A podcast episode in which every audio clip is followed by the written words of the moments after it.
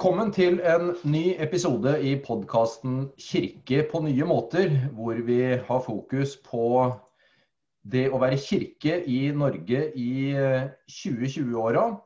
Eh, og denne gangen så skal det handle spesielt om eh, kirkens arbeid i forhold til ungdom. Og med meg i dag så har jeg Anne Margrete Re Sunde. Velkommen skal du være. Tusen takk. Du er eh, altså engasjert i noe som heter U-kirke i Stavanger. Ja. Og aller først, kan du ikke fortelle litt både om eh, hvem du er, og hva U-kirke er for noe? Ja, jeg jobber som prest, og jeg er eh, ja, Anne Margrethe, jeg er 40 år. Jeg har jobba med ungdomsarbeid, eller barne- og ungdomsarbeid i kristen sammenheng egentlig siden jeg var uh, ungdom sjøl. Uh, eh, enten som frivillig eller ansatt. Så ble jeg ordinert til prest for uh, fire år siden.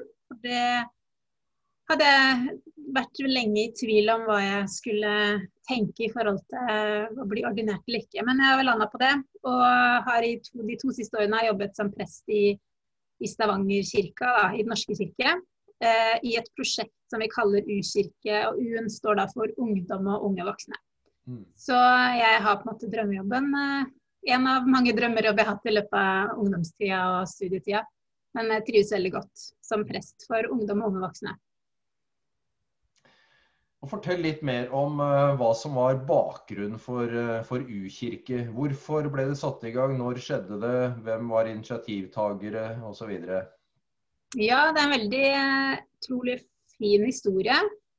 Selv om det kanskje er litt sånn trist utgangspunkt. Fordi eh, vi, har jo, eh, vi har jo mange menigheter i Norsk kirke i Stavanger. Eh, og Stavanger har jo tradisjonelt sett vært eh, beltespenna på bibelbeltet. Og hatt mye, mye kristent arbeid opp igjennom.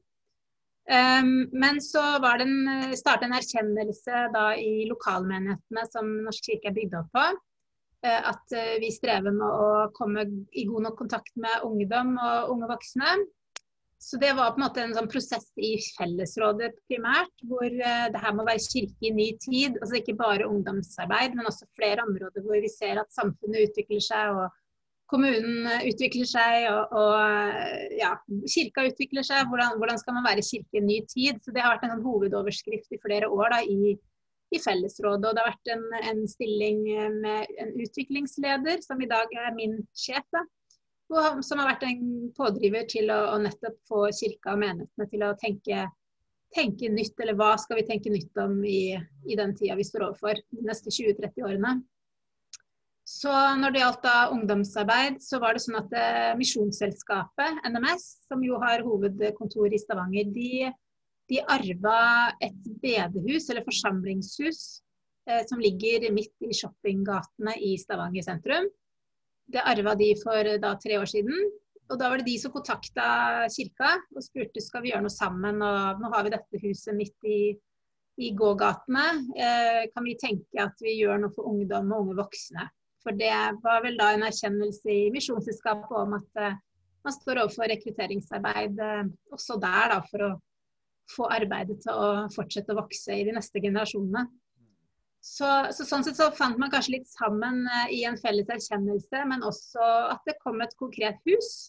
Uh, nå er det sånn at I kirka er det jo ikke mangel på hus. Det er mange kirkebygg både fra um, tusentallet og, og, nyere dato. Så, så, det var ikke det at kirka trengte et ekstra hus å ta vare på, men det var noe med beliggenheten da. og tenke litt strategisk rundt ungdom og unge voksne som ferdes i bybildet, som er rundt omkring i byen. Og, ja. Så det har vært eh, utgangspunktet for prosjektet. Da. Og så har det vært da, det er mange eiere i prosjektet. Hver lokalmenighet i Stavanger i Norske kirke er med å eie en andel. Og så har du NMS, Misjonsselskapet, og NMSU, barne- og ungdomsorganisasjonen. Og nå etter hvert er bispedømmet også kommet innpå. da. Så nå er vi i år tre av en treårig prosjektfase, hvor vi har brukt eh, mye av tida egentlig bare til å finne ut hva kan vi bruke dette huset til. Hva, hva slags eh, kreative ideer kan vi teste ut, og se om hva slår an og hva slår ikke an. Og så skal vi da lage en sånn prosjektrapport nå eh, på tredje året, hvor vi skriver ned noen av erfaringene. Og så vil det danne videre plattform for å utvikle arbeidet. Sånn at istedenfor å Tradisjonelt sett så lager man gjerne både visjon og mål og strategier før man nesten starter opp, mens vi har egentlig gitt oss tre år da, på bare være til mm. stede og teste ut forskjellige muligheter vi kommer på, eller som helst ungdommen og de studentene bidrar med selv. Da. Mm. Så vi har jo hatt noen verdier med høy grad av medvirkning. Det å være fleksible, ikke lage altfor mange faste avtaler. Ja, det har vært en del veivalg vi har tatt som vi ser at vi mest sannsynligvis vil fortsette med òg, da. Så mm. noe har vi på en måte truffet blink på allerede i, i prosjektfasen. Men ja, vi får se. Ungdom er på en måte en nøtt å knekke for så mange. Så ja, men hvis du skal prøve å oppsummere litt, da. Erfaringene fra disse tre åra. Hva, hva, er liksom dine sterkeste inntrykk? Ja, altså Det å jobbe relasjonelt, det er jo ingen uh, nyhet. Det lærte jeg jo som 20-åring selv, at vi må jobbe relasjonelt. Mm. Uh, men det å gjøre det i praksis i en veldig tradisjonell kirke, det, det det kan være utfordrende eh, fra å være en veldig aktivitetsstyrt kirke. og det, det, er det jo mange kristne miljøer som har vært, naturlig nok. For sånn mm. har det vært før, at det har fungert veldig godt. Mm. Eh, men det å gå over til å tenke mer fleksibelt rundt hvilke tilbud har vi, hvordan er de tilbudene, og ikke minst hva har unge i dag behov for. Det, vi har jo tatt veldig tak i de undersøkelsene fra Ungdata og mm. SHoT-undersøkelsen blant studenter på det med høy grad av ensomhet. og eh, Jeg tenker at vi kan være med å forebygge ensomhet og forebygge en god psykisk helse. Mm. Så Derfor er det med relasjonsarbeid, det å komme i kontakt, bruke mye tid sammen, det er noe som trengs da, for å komme i kontakt med ungdom. Eh, så, så, det å ikke ha en lang sjekkliste med alt du får gjort effektivt, det, den må vi legge til side. Og så må vi bare være eh, sammen, da. Mm. Så relasjonsarbeid det er på en måte det er kanskje hovedordet. Og det å være fleksibel. Vi uh, har jo en sånn trosopplæringsreform i Norsk kirke hvor uh, det er mye som fungerer veldig godt med det. Men blant ungdom etter konfirmasjonstid så uh, har vi sett i Stavanger at der er det veldig vanskelig å få ungdom til å komme på sånne enkelthendelser. Altså det å invitere et helt skolekull til å komme på en vennefest f.eks. Det, det har fungert mange tiår tidligere, men ikke nå lenger. Så, så, det å f.eks. ikke holde på med sånn påmeldingssystem, men, men, bare ha åpent, så bestemme seg for at som kirke så er vi åpne når vi sier vi er åpne, og så kommer de som vil komme. Det, det fungerer også veldig godt. Så vi driver ikke med påmelding og heller ikke med avmelding. Vi avlyser ingenting. Vi, vi på en måte bare stiller opp, og så kom det ingen, så kom det ingen. Men kom det to, så var det veldig bra. Da fikk vi gode samtaler med de. Så det å tenke kvalitet og ikke kvantitet um, i en sånn administratorkirke, det, det, prøver vi å legge om, da. Det er en slags kulturendring, kanskje. Så det er en tydelig bevegelse fra aktivitet til relasjon? Ja, det, mm. Det vil jeg jo si at det er. Og samtidig, det er ikke noe nytt. Må, altså det er ikke noen nyheter at vi som kirke blir utfordra på akkurat det. Det hørte jeg da jeg var ung student, og nå mm. er det jo 20 år siden jeg begynte å studere teologi. Mm. Men det er noe med at det tar ganske lang tid å få det inn i systemene i spesielt en så tradisjonell kirke som Den norske kirke. Mm. Så mm. Og Det betyr at din eh, si, arbeidshverdag da, som prest eh, er ganske annerledes også enn eh, mer sånn, altså prester i tradisjonelle menigheter? Ja, en, en, prest som jobber en, som sogneprest eller kapellan, har jo kirkelige handlinger som kommer hver uke, med begravelser og vielser og gudstjenester. Mm. I tillegg til generelt som menighetsbyggende arbeid. Mm. Og du kan si at min stilling holder um, mest på med fellesskapsarbeid. Ha, vi har jo gudstjenester, da. Det driver vi og tester ut hvordan kan vi ha gudstjenester eh, blant aldersgruppa 15 til 30 år. Mm. Um, så det er jo det mest sånn prestelige jeg driver med, i tillegg til sjelesorgsamtaler. Mm. Um, ja. Så jeg har en, en, stilling som tillater veldig mye eh, kvalitetstid med mennesker. Mm. Det har jeg. Og det er jo et unntak da, fra de tradisjonelle pressestillingene. Mm, ja. Hvis du skal gi en uh, liten sånn skisse, da, hvordan en arbeidsuke typisk kan se ut, er det mulig å gjøre det? Ja, vi, vi kom ganske raskt opp med en slags kalender, da. fordi det er jo noe med å jobbe skal du jobbe i kirka, må du ha en forutsigbar arbeidshverdag. Eh, og det er ikke noe mål å leve som ungdom, selv om du jobber med ungdom. Mm. Sånn, eh, da blir det ikke så lett å rekruttere noen til å jobbe med ungdom. Eh, så vi, vi landa på at vi, vi, ha, vi satte åpningstider eh, med en passe struktur i forhold til arbeidstid, som vi jo jobber etter. Mm. Eh, og så har det vært mål å da rekruttere frivillige eh, enten blant ungdommen eller studentene selv, eller andre voksne som har et hjerte for ungdom. Eh, som har ønske om å være med ungdom, og som har tid og tålmodighet til å være med ungdom. Det er liksom inngangskravet for frivillige. Mm. Um, så, ja, så da har vi åpent noen faste ukedager. Og så ut fra de første, det første halvåret kanskje, hvor vi ble kjent med en del av de som kom på besøk, Eh, i bedehuset. Da, da oppsto det aktivitetsgrupper, men, men igjen eh, veldig avslappende aktiviteter som brettspill. Så vi har en gruppe som heter Spill og chill. Og vi har et fast fellesskap som heter Mat og prat. Så vi mm. spiser og vi er sammen og slapper veldig mye av. Og har innreda også bedehuset til at det passer veldig godt å komme og slappe av hos oss.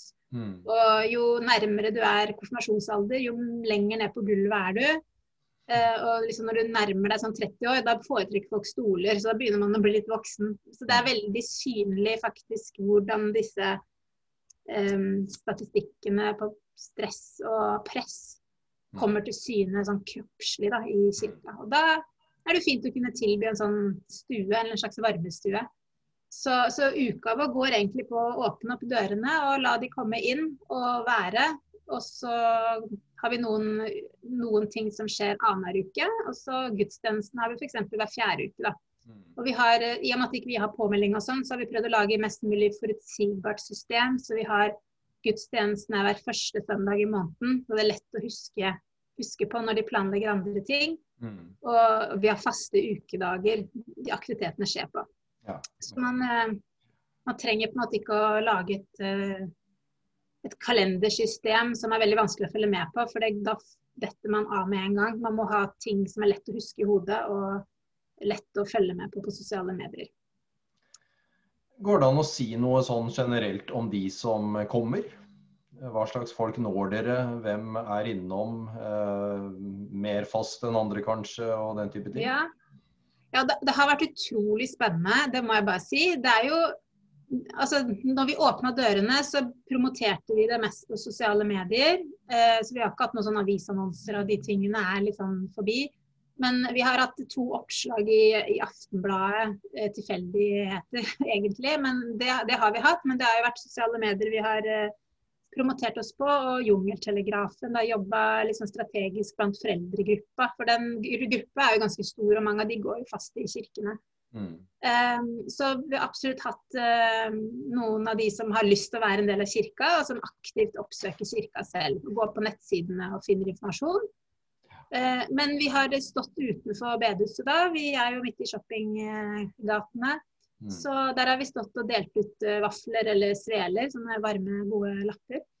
Eh, ikke flyers og sånn, men vi har, eh, har, delt ut mat og fått utrolig god respons på det stått etter skoletid og delt ut. Og blitt, eh, det går litt rykter i byen på at vi er den kirka som har gratis eh, vafler og sånn. Mm, mm. Og så eh, har vi da, når vi har kommet i prat med de som har gått forbi, og de viser en type interesse for hvem vi er Jeg står med presteskjorta, så det er jo ikke alle som kjenner igjen og skjønner at det er en prest de snakker med, men noen gjør det, og da lurer de gjerne på hva vi holder på med. Så da det, har vi gjennom samtaler invitert de til å komme inn og kikke da, eller se på bedehuset. Og så har noen slått seg ned, og noen går ut igjen. og det, Alt er helt greit. da. Så har vi over tid eh, egentlig promotert oss å bare være utenfor kirka vår, eh, eller bedehuset, da. Og så er det sånn at I Stavanger er det, er en internasjonal by. Her er det mange internasjonale studenter. Og, og, de har vi også hatt gleden av å ha mange innom. Så vi har, vi har studenter og unge voksne med alle typer religioner og livssyn. Eh, hudfarger, en utrolig sånn, egentlig integreringsplattform plattform som vi har klart å, å, få. Eller den kom på en måte til oss uten at vi planla det. Mm. Så Spesielt det middagsfellesskapet vi har hver torsdag, der, det, der har vi da hatt mange internasjonale studenter innom. Eh, men en sånn god miks med, med, etniske norske, hvis jeg kan si det sånn. Eh, og da har vi spurt studentene, altså om de kommer fra Norge eller om de kommer fra Iran eller Mexico, så har vi spurt dem om de har lyst til å lage en rett fra sitt hjem, hjemland eller hjemsted. Mm. Og da har det utvikla seg en, en, sånn veldig god um, plattform til å kunne komme med det du har med deg til Stavanger. Om det er fra Hardanger eller om det er fra Asia. Og så kan du lage noe. Og det å se den stoltheten folk har når de på en måte byr på det de har. De aller fleste er jo på Skype eller eh, Snap med foreldrene hjemme som hjelper dem med oppskriften. Og vi handler inn maten for dem. Og jeg har vært innom alle innvandrerbutikker i Stavanger eh, og blitt godt kjent. Så, så det, har, det, er en sånn ja, hvem vi når. Altså vi når alle. Vi har uh, unge, ungdom som er fra Stavangers uh, fine bydeler. Vi har ungdom som er fra andre hjem. De definerer fort om de er ateister, om de er agnostikere, om de er borgerlig konfirmert, kristen konfirmert, om de kommer fra frikirke. Altså, de er veldig raske med å si litt om hvem de er. Mm. Det er også veldig sånn fascinerende at de, de, kommer selv om de kanskje ikke tenker de er kristne. da. Mm. Så er det ikke alle de som blir med hver gang, eller er her over lengre tid. Men, men, totalt har vi nådd ut til veldig mange forskjellige unge mennesker. Og det syns jeg er en utrolig sånn, rikdom, da, å komme i kontakt uh, med så mange. Mm. Og så har vi absolutt en kjerne som dedikerer seg litt mer og kommer ukentlig og gjerne flere ganger i uka. og er med å bidra som frivillige og mm. forplikter seg litt mer. Da. Men uh, men det er ikke mange som eh, det er ikke mange som lover seg bort mange uker i forveien. Så det er en sånn uh, uke-til-uke-avtale. Mm. Ja, vi planlegger uh, maks et semester, og så vidt det. Ja. Mm. Mm. Men det betyr at det er en god gruppe som på en måte ser på dette som sin, sitt menighetsfellesskap, rett og slett? Vil du si det? Ja, det, ja, det er jo det. Og nå i koronatida har det jo blitt litt restriksjoner. Vi, vi kan til vanlig være 100 stykker inne samtidig. Nå er det jo sånn rett under 40. Da begynner det å bli ganske trangt med den énmetersregelen. Mm. Så det har selvfølgelig eh, vært med å ja, gjort det litt vanskeligere. Nå, og ja, vi prøver på en måte nå mest å holde fast på de som kjenner til oss, da, mer enn å promotere veldig mye ekstra. Mm. Mm. Så mm nå gudstjeneste en gang i måneden, og det, nå er vel kanskje ikke det da hovedaktiviteten, da, eh, sånn som du beskriver det nå, men kan du likevel si litt om, eh, om hvordan dere gjør disse gudstjenestene? Ja, da var det sånn at vi, altså vi Selve prosjektet har to bærebjelker. Det ene er diakoni. Og det mm. andre er eh, gudstjenestelignende fellesskap, altså skape det. Mm. Så det, det jeg snakka mest om nå, er jo veldig sånn diakonalt arbeid. ikke sant? Komme inn og få gratis kakao og vafler og vær som, kom som du er og, og vær den du er. Mm. Eh, og så Når det gjelder gudstjeneste, så er det jo mest for de som selvfølgelig har en interesse for å gå på gudstjeneste og være en del av det. Mm. Så, men vi, vi starta ikke med det. Vi, vi, det gikk vel et halvt år før noen av studentene begynte å etterspørre gudstjeneste. Og vi, vi er jo ikke en egen menighet, så vi eies av 16 lokalmenigheter. Så, så det var liksom viktig å gå litt i takt med menighetene og, og, finne ut hva skal vår gudstjeneste være. Skal det være et alternativ, eller skal det være tilskudd? Sånn, det er jo viktig å på en måte snakke godt med den etablerte mm. uh, gjengen i kirka så, så landa vi på å ha faste kveldsgudstjenester eh, søndag kveld. Og vi hadde eh, fire sånne prosessmøter hvor alle som ville, ville, kunne være med og si sin mening om gudstjenestene. Hvor jeg prøvde å undervise litt om hva en gudstjeneste er i Den norske kirke. Og, og samtidig at vi var fleksible. Vi kunne velge ut noen liturgiske ledd, vi kunne velge inn noe mer. Ja.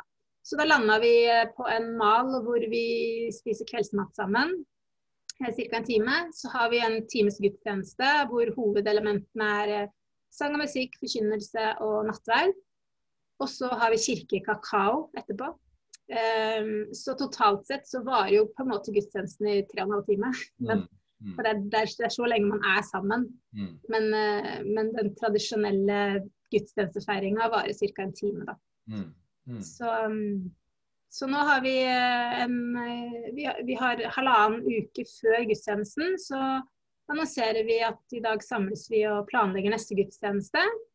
Og da følger vi kirkas tekst, tekster, men vi prøver å tematisere det. Bruke litt forskjellige ressurser på hvordan vi kan gjøre det. Um, og så kan de som vil komme og planlegge. Så da har vi alt mellom 10 til 15 personer. Uh, så det er jo veldig flott å ha så mange frivillige med på gudstjenesten. Hvor da man velger om man vil planlegge maten, vil man planlegge forkynnelsen, eller vil man planlegge um, sang og musikk. Så det er veldig høy grad av medvirkning, og på en måte mye lages ikke av meg. Men jeg er jo presten og skal være med å forme og selvfølgelig ta avgjørelser hvis det oppstår uenighet og sånn. Mm. Mm. Så ja, så i løpet av gudstjeneste er det veldig mange sving. Og så er det noen som kommer i tillegg for å være med, da. Mm. Så um, har vi holdt på med det i halvannet år. Og det høres jo ut som et uh, utrolig privilegium å kunne være med på å skape sånne gudstjenester. Det er vel mange prester som vil si at det er de ganske uh, aleine om? Ja, det, det, er det jo. Her i Stavangerkirkene så er det absolutt flere sånne gudstjenesteutvalg, og det er flere som er med og planlegger de tradisjonelle høymessene. Men, men når ungdom er med i, i de tradisjonelle gudstjenestene, er er de ofte som sånn ministranter. Altså du, du er med å tenne lys, du er med å ja, Du kan kanskje være med å dele ut nattverd, men du, du, er ofte med på sånn holde fram salmeboka. altså er veldig sånn mm. Du er aktiv med, men du er ikke med å forberede deg så mye i forkant. da. Så det, Vi prøver å ta det litt lenger enn det, og prøve å få de unge med på å sjøl forstå gudstjenesten ved å delta enda mer i den og få et tydeligere eierskap. Så, så det krever også veldig mye mer av meg som prest å på en måte gå hver eneste gudstjeneste er en kjempelang prosess. Mm. og, og, samtidig må du være veldig fleksibel, det kan komme avlysninger, ting kan bli annerledes. Mm. Så da er det viktig å si til seg selv at her kan ting gå, gå annerledes, men det gjør ingenting. Det viktigste er å ha med, ha med de som ønsker, og at de, de, får en slags mestring eller en positiv erfaring med å, å bidra i gudstjeneste. Mm. Så mm. mm. Du var inne på det med at ungdom eh, Altså det er en stor utfordring for kirkene overalt, egentlig, å nå ungdom. Og, eh, og, vi snakker litt om eh, at vi, vi, har mange ungdom som på en måte er med i kirkene fram til og med konfirmasjonsalder f.eks. Men så er det mange som faller ut etterpå. Eh, gjerne i forbindelse med flytting og studier og den type ting. Eh, gjør du deg noen tanker om, om, hvorfor det er sånn? Ja, jeg tenker at unge mennesker i dag har veldig aktive liv. Altså, Ungdataundersøkelsen i Stavanger viser jo at 80% av unge mennesker har eh, et veldig godt liv. Altså har det veldig bra både på skole og Mm. hjemme. Eh, mange er en del av organisert, eh, om det er idrett eller andre fritidsinteresser som krever ganske mye. Det er masse treninger, og så er det alt skolearbeidet. Hver uke er det. Presentasjoner du får karakterer på. Altså, jeg, det kommer inn i i da, alt dette livet som folk har. Så jeg, jeg, skjønner bedre nå enn da jeg starta opp i prosjektet hvorfor man blir sliten. Fordi det er ganske annerledes enn, enn min egen ungdomstid. Eh, og det at kirka da ikke blir topprioritet eh, hos ungdom, når det heller ikke er det hos foreldrene nødvendigvis. Jeg, jeg er jo på en måte eh, Det er jo litt min generasjon da, som heller ikke har den sterke forpliktelsen til å, bære kirka videre. Du må opp enda en generasjon eller to for å få liksom den tradisjonelle dugnadsinnsatsen. Mm. Så, så det, tenker jeg jo er en ganske naturlig utvikling, hvis du ser på generasjonsutviklinga. Mm. Så jeg klandrer jo ingen ungdommer for å ikke komme i kirka eh, når heller ikke kirka har sånn veldig tilbud. Altså, vi må jo være litt ærlige og si at det, det, er ikke alltid man tilbyr det som er interessant heller. Altså, det, det, er jo en slags kirkekultur òg. Og selv om det med f.eks. lovsang og lange møter med mye forkynnelse og, og sang er eh, veldig mange som liker fremdeles, så er det ganske mange som ikke liker det. Så, mm. så, så det å ha liksom, variert tilbud, uh, at vi er mange kirker sammen da, som gjør ulike ting, at de ja, de kan velge. Eh, men så vet vi samtidig både på markedsføringsundersøkelser og det er kommet en helt ny KIFO-rapport nå som bekrefter at vennetilknytning er det aller, aller viktigste. Og det, hva vennene dine gjør, det er så utrolig avgjørende for hva du velger. Mm. Så det å knekke noen koder hvor man kanskje får tak i litt større vennegrupper, da, jobbe strategisk med det i nærmiljøet, det, det er kanskje mer å si enn vi har trodd. Eh, kanskje basert oss litt for mye på at hvis foreldrene dine sier at nå er det ungdomsklubb, gå på den, så tror vi kanskje at de gjør det. Men uh, det er nok vennenes, uh, av, vennenes uh, påvirkning som teller aller mest. Da. Mm. Så, av og til så snakker vi om f.eks. at ungdom Eh, forlate kirken i den der overgangsfasen fra ungdom til, eh, til ung voksen og sånn. Eh, mm. Bl.a. fordi at kirken blir litt sånn for kanskje litt sånn overbeskyttende. At man kanskje havner i en sånn tendens til å framstille det utafor kirken som ja, lite interessant, kanskje. Og så er det mm. jo noe med dette her at Kirken oppleves litt sånn irrelevant, gir litt for enkle svar på vanskelige spørsmål. Og så gjør det at man liksom lever på en måte i to virkeligheter. da, eh, og I lengden så går ikke det på en måte. Eh, mm. Det høres ikke ut som det er liksom det viktigste du skisserer nå, egentlig. Eh, eller merker du det, dette også? Ja, jeg, jeg, jeg, har jo vært veldig opptatt av disse tingene. og Det ligger jo som en sånn bakgrunnsteppe hele tida, det med mobil tro, at troen er sårbar i livskriser og overganger i livet. Det, det, det tror jeg absolutt. Eh, vi ser det kanskje mest ved at noen av studentene de kommer til oss sånn slitne av kristent ungdomsarbeid. og De har vært på noen kurs og de har vært på konfleder. Eh, og nå er de litt sånn lei, nå vil de bare ha sjøl. Altså det, det, det ser vi eh, noen sier. Men, men, det med relevans har så mye å si. Og det jeg kanskje merker som en veldig stor endring i tillegg til det relasjonelle, det er behovet for å diskutere, behovet for å, å snakke selv. Mm. Og jeg lytter veldig mye, og jeg tenker at Kirka har veldig god lyttekompetanse. Det er jo en av våre store styrker. Jeg mm. håper jeg i hvert fall at mange kjenner seg igjen i hvis man mm. jobber i kirkene. Eh, så det å for den lyttinga, det å legge Vi f.eks. på prekener, da prøver vi å involvere studenter selv. Eh, vi har noen spørsmål som vi diskuterer rundt bordene sånn i prekenen på slutten. Mm. Um, vi har også starta opp med noe vi kaller påfyll, som da ikke er en gudstjeneste, men som er kvelder som tar opp litt mer eksistensielle spørsmål. Og da er halvparten av tida er samtaler rundt bordene. Og vi hadde nå på søndag, og da satt folk i to og en halv time og diskuterte temaet etterpå. Mm. Så, så, jeg merker den, her, den monologens tid som kanskje er litt forbi. Mm. Eh, det betyr ikke at man ikke skal undervise, at man ikke skal ha meninger og fronte det som kirke, men, men å jobbe relasjonelt med forkynnelsen også der, da, i samtale, det, det, tror jeg er en kjempeviktig nøkkel for å få mer tak på unge mennesker igjen. Da. Mm. Og de, det er jo en livsfase med så mye spørsmål, og det er jo en livsfase med all, alt er på bordet, liksom, av uh, ting du skal tenke igjennom. Uh, så det er jo ikke det at de ikke er interessert. Men jeg, da. Jeg tror de er kjempeinteressert. Men det er noe med å skape arenaer hvor de får lov å komme med sine meninger og teste ut sine meninger, at noen tåler å høre de meningene.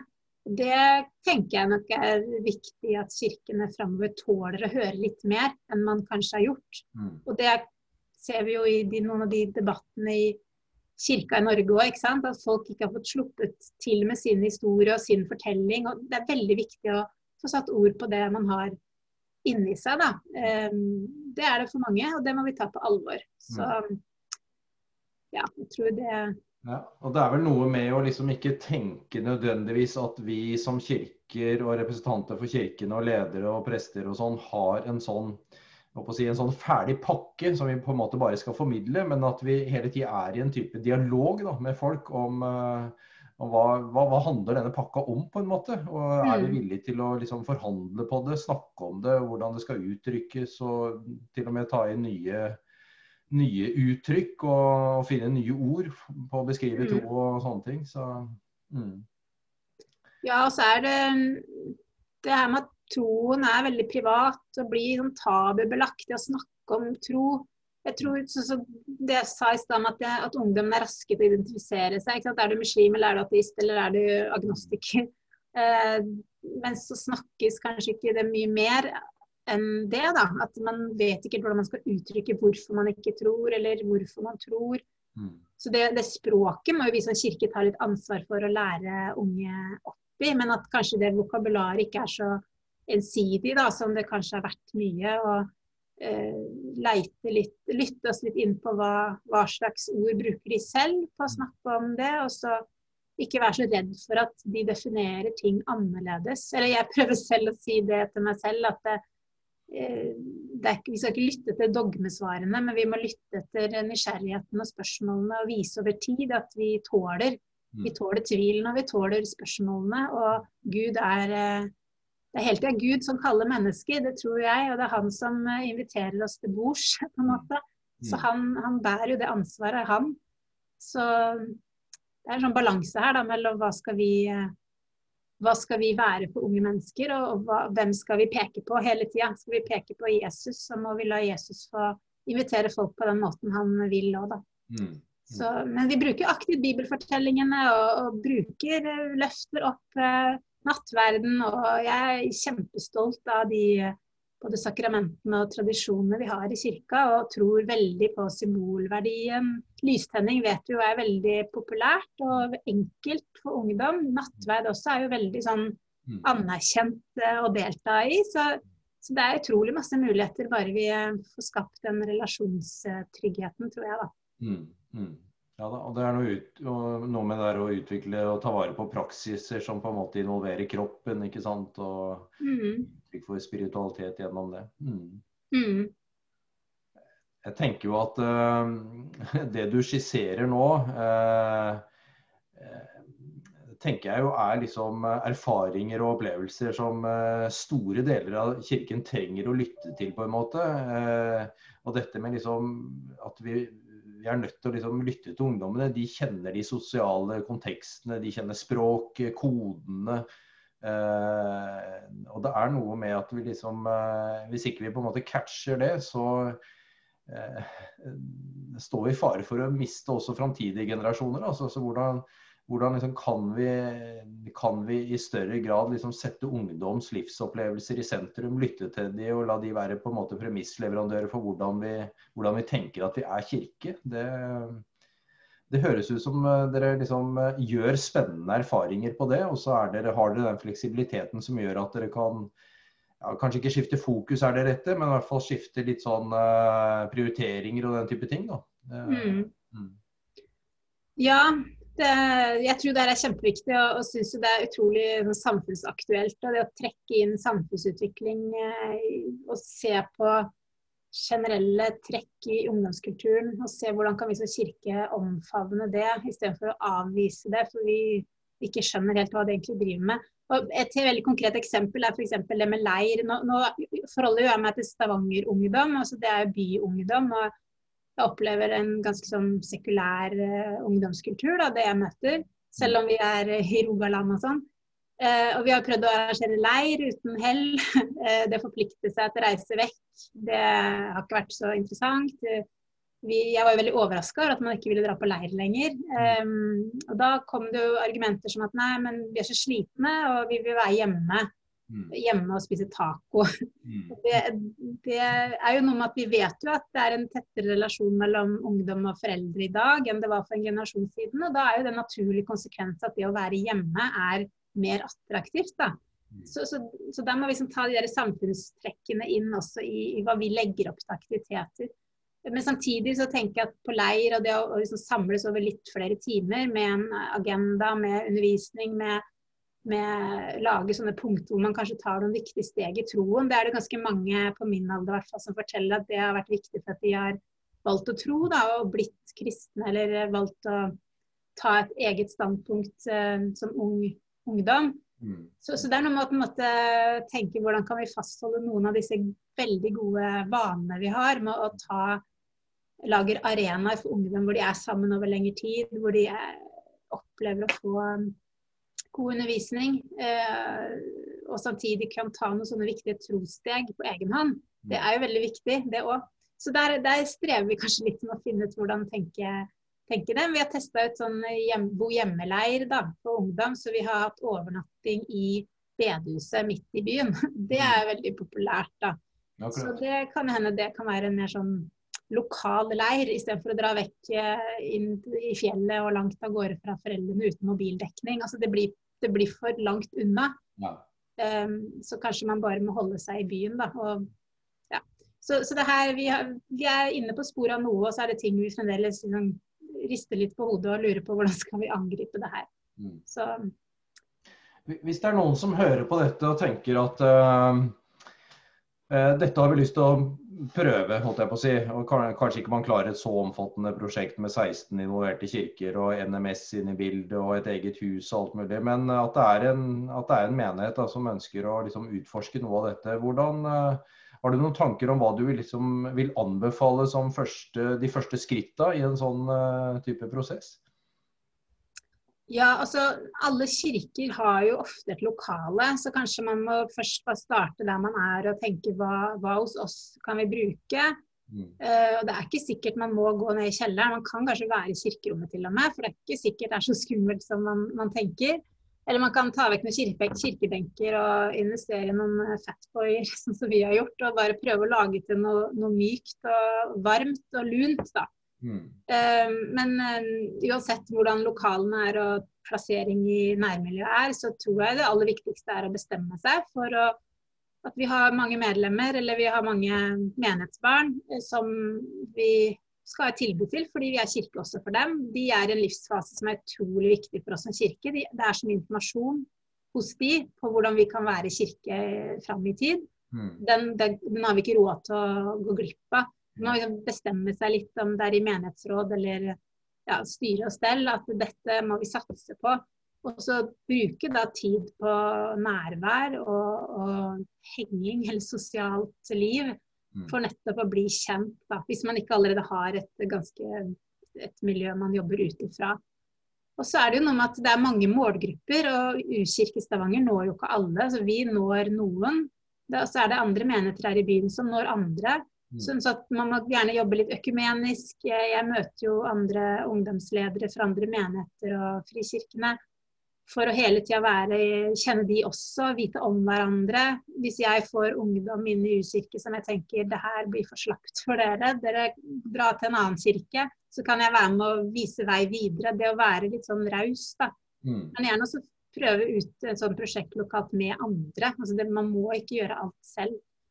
Så, så, det å ville å bestemme seg, så tror jeg at uh, Gud kaller og han gir oss både kreativitet, vi kan bruke nådegavene og talentene våre.